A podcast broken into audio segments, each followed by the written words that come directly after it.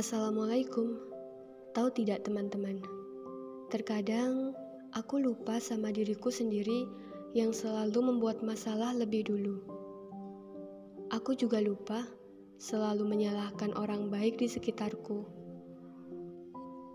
Dalam artian melampiaskan ke mereka akibat dari moodku yang sedang buruk sekali.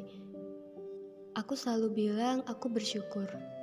Tapi apakah iya aku benar-benar sudah bersyukur tentang aku yang mempunyai teman-teman yang open untuk berbagi cerita.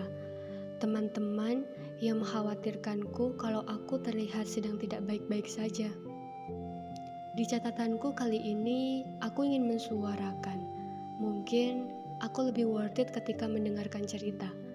Karena bagiku, ketika aku memberikan respon dari cerita lawan bicaraku, seakan-akan bisa menegur diriku sendiri, membuat diriku menjadi lebih kuat dari kata-kata yang aku keluarkan itu sendiri. Jadi, apakah iya aku tidak perlu berbagi ceritaku dengan orang lain? Aku hanya perlu mendengarkan orang lain bercerita.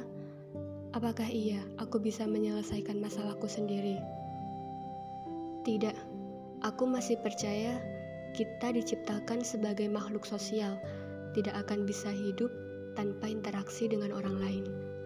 Saat itu, mungkin aku hanya sedang di titik terlemah, di titik akan keraguan, dan menganggap semua orang itu sama saja, tidak akan mengerti maksud yang aku sampaikan.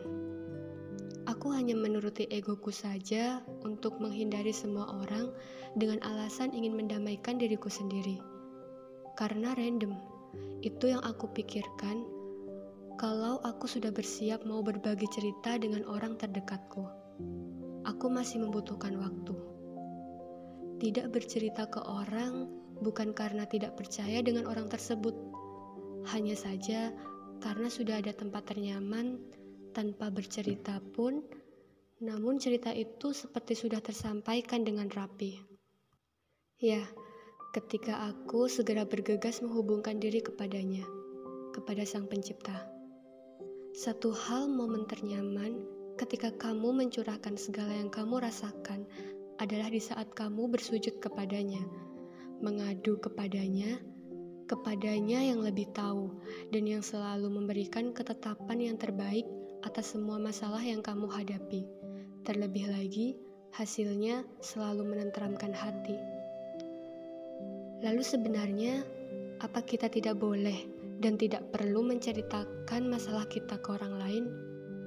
Jawabannya tentu sangat boleh dan perlu. Entah maksud dari kita bercerita adalah untuk mendapatkan solusi atau hanya ingin didengarkan saja yang perlu diingat hanyalah tidak perlu kita menceritakan dengan dramatisasi yang hebat. Tanpa sadar, kita seolah telah mengadukan perbuatan Sang Pencipta yang kita anggap telah menzolimi diri kita pada orang lain. Kita seolah menuntutnya karena nasib buruk yang kita terima.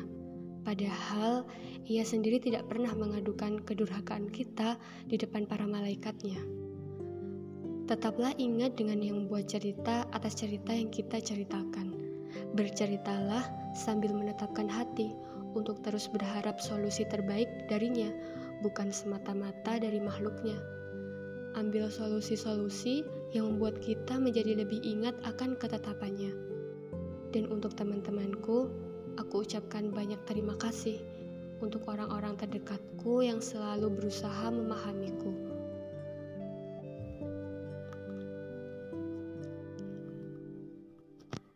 Tetaplah berbagi cerita, dan aku akan terus memetik hikmah dari cerita yang kalian ceritakan kepadaku. Dan aku akan menceritakan ceritaku yang perlu aku ceritakan. thank you